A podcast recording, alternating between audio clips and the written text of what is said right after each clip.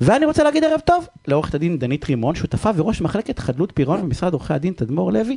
ערב טוב. ערב מצוין. מה העניינים? שלום דני. בסדר גמור, שלום גם לך. וואי, אנחנו הולכים לדבר על נושא, מה זה חשוב? שאנחנו לא ממעטים לדבר. חשוב ואקטואלי. אקטואל, הכי אקטואלי, אנחנו הולכים לדבר על חובות.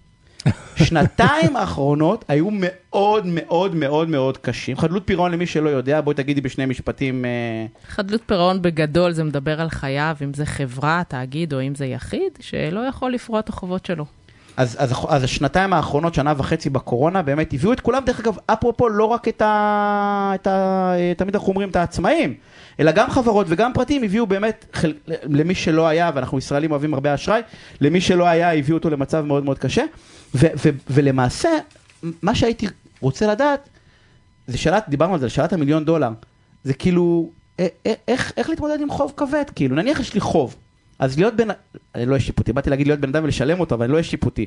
כאילו להתאמץ ולשלם אותו, או להגיד, אני אכנס לכל מיני הליכים שדנית תעזרי לעשות את זה. נבריח את הנכסים לדוד שלי וניכנס לא, להליכי אפילו בלי, פשיטת אפילו רגל. בלי להבריח, זה מה בסדר? שניסית להגיד, כן, תודה. אפילו בלי להבריח. ניסה, כן, לעדן את זה קצת, להגיד את זה במילים מה יפות. איך כדאי לעשות, מה כדאי לעשות ומתי כדאי לעשות את זה? באופן עקרוני, קודם כל, אה, יש הבדל, אה, אני אנסה לדבר יותר בכלליות, אבל כמובן שיש הבדל בין אה, יחיד, פרטי, בן אדם פרטי. שחייב כסף, לבין תאגידים. אבל העקרונות בגדול אפשר להגיד שהם אותם עקרונות, גם פחות או יותר אותם דינים חלים על, גם על יחידים וגם על תאגידים.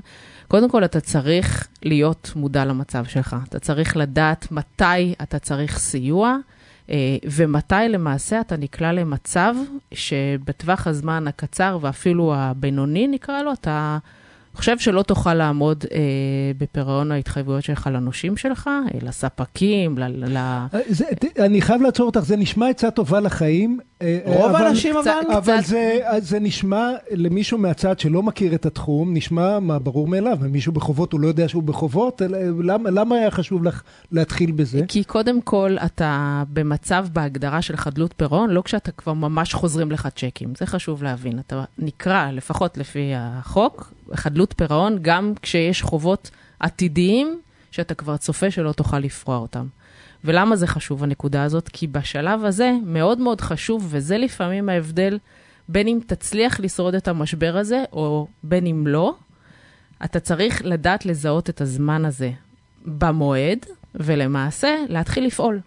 ויש דרכים, היום המחוקק נתן למעשה כלים גם ליחידים פרטיים וגם לתאגידים להתמודד עם הדברים האלה.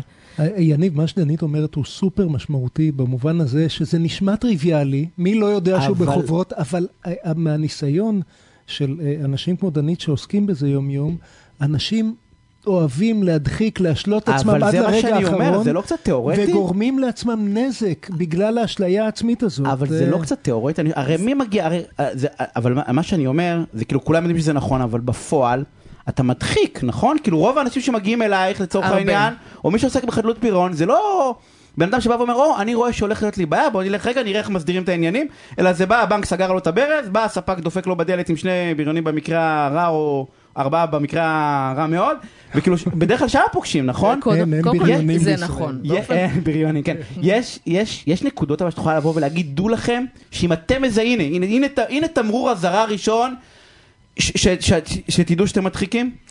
אני לא יודעת אם יש ממש תמרורי אזהרה, כי זה מאוד מאוד תלוי נסיבות, ו- ותלוי שוב אם זה חברה או אם זה פרטי. פרטי הוא יותר יודע לזהות כמה כסף יש לו בחשבון, זה לא עסק מורכב שהוא מנהל, כמה כספים יש לו בחשבון, כמה התחייבויות יש לו קדימה, אם הוא לקח משכנתה, אם הוא יודע לפרוע אותה, אם אה, בגדול גם זרם התשלומים בדרך כלל ליחיד פחות או יותר זהה, אם הוא משתכר משכורת קבועה, אז זה אולי אה, אה, אין תמרור אזהרה, אבל אני חושבת שיחיד יודע יותר לנהל את משק הבית שלו בצורה אה, אה, נכונה, וחשוב כמובן שהוא ייערך, בין אם זה על ידי הסדרי פריסת חובות עם בנק, אם הוא חייב לו כסף, או, או לכל, בדרך כלל זה בנקים שיחידים חייבים להם כסף, שהם לא, יכול, לא יודעים לפרוע את המשכנתה שלהם.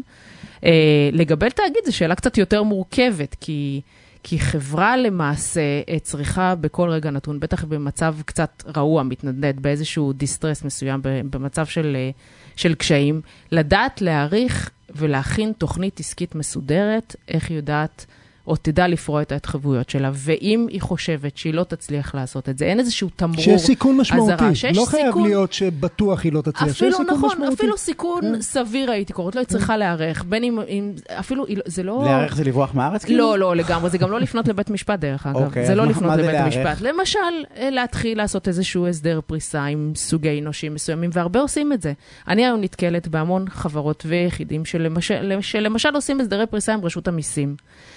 רשות המיסים גם מע"מ וגם מס הכנסה, אה, יותר פרו-הסדרים, בטח במצב הזה, ואני גם אגיד מילה נוספת, שחצי שנה לפני פרוץ משבר הקורונה, נקרא לו, נכנס אה, לתוקף חוק חדלות פירעון, שבעצם, אני אגיד את זה ממש בכלליות, נתן אה, תעדוף לרשות המיסים אם היא, פור, אם היא פורסת חובות.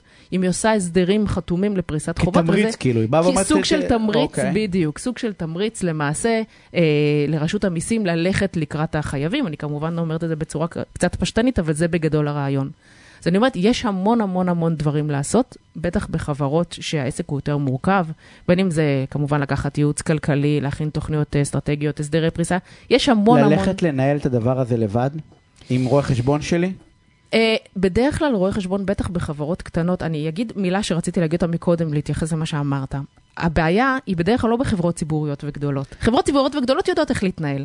הבעיה היא בדרך כלל דווקא בחברות הבינוניות והקטנות, שזה חברות יחיד לפעמים, שהן דווקא פחות גם מודעות. ש, שגם אין פחות- כוורת של יועצים שמדריכים בדיוק, אותם. אה, בדיוק, שהן פחות גם מודע, מודעות לסיכונים, מודעות לסיכונים שיש אפילו ל- לדירקטורים ולנושאי כן. משרה ב- במצבים כאלה. ואני אומרת, בדרך כלל במ- ב- בחברות כאלה, רואי החשבון הם לא... לא גורמים שיודעים ללוות חברות במשבר, ולכן לחלוטין, אני חושבת שגם בסופו של דבר, נקרא לזה משתלם כלכלית, זה להיעזר במומחים אה, משפטיים אם צריך, אבל קודם כל אז כלכליים. רגע, רגע, בוא, בוא, אבל- בואי, בוא, אה, שני- שנייה, אוקיי. יניב, בוא- בואי, מישהו חושב לעצמו, אוקיי, אני לא זיהיתי בזמן, כן זיהיתי בזמן, מה זה חשוב? זה חברה בעם, אה, מקסימום איבדתי את החברה, זיהיתי בזמן, לא, מה- מה- מה יקרה לי אם לא הבעיה- זיהיתי בזמן? קודם כל, תסבירי. קודם כל, אני אגיד את זה שוב, להבדיל מחברות ציבוריות וגדולות, חברות בינוניות וקטנות, בדרך כלל בעלי המניות חתומים על ערבויות אישיות. זאת הבעיה המרכזית, שערבות אישית, המשמעות שלה, שמסכנים את הבית. זה ממש ככה, זה עד כדי סיכון הבית, וברגע ש...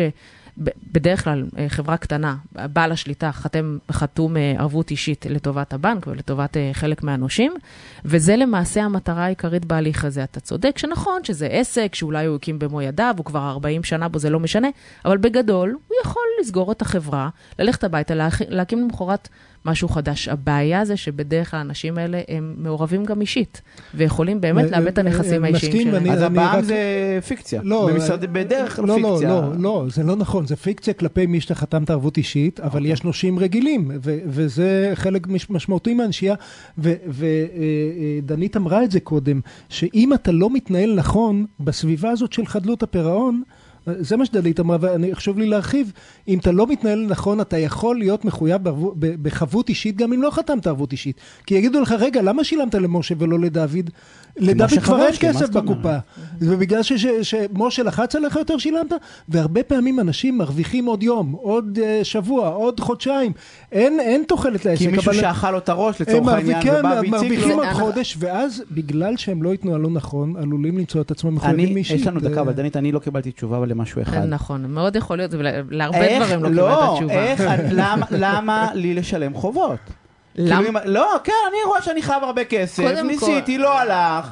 אז יאללה, בוא נתחיל בפירוק, הרי מה כאילו, ל- ל- מה כל- התמריץ שלי בלעבוד קשה, חמש שנים לא לטוס לחו"ל, ולא לקנות רכב חדש, ולא השלוש, שלושה חוגים לילדים, וכאילו, מה התמריץ? בגדול נקודת המוצא היא שבן אדם רוצה לשלם את ההתחייבויות שלו. מה זאת אומרת רוצה? יש לו עסק, הוא רוצה שהוא? ימשיך... למה אתה מחייך? כן, כן, זאת נראה נקודת לי הוא המוצא. חולק? עליי בעניין הזה. תלוי איזה בן אדם. תלוי איזה בן אדם, יכול להיות. יכול להיות, לא, אבל זאת נקודת המוצא, שבן אדם לא רוצה סתם להכניס, להשאיר הרבה שובל של נושים אחריו ולהכניס עסק ל... זה השם שלו איזשהו- בסוף. איזשהו זה פירוק, זה השם, כן. השם שלו, זה העבודה שלו, זה הפרנסה שלו בגדול. זה ברור שהוא לא רוצה שזה וגם הוא יקרה. נשאר עם עצמו להסתכל במראה לשאר החיים, שהוא השאיר שובל של קורבנות אחריו. זה לא נעים, אפילו אם הצלחת עם... אה, זה לא נעים?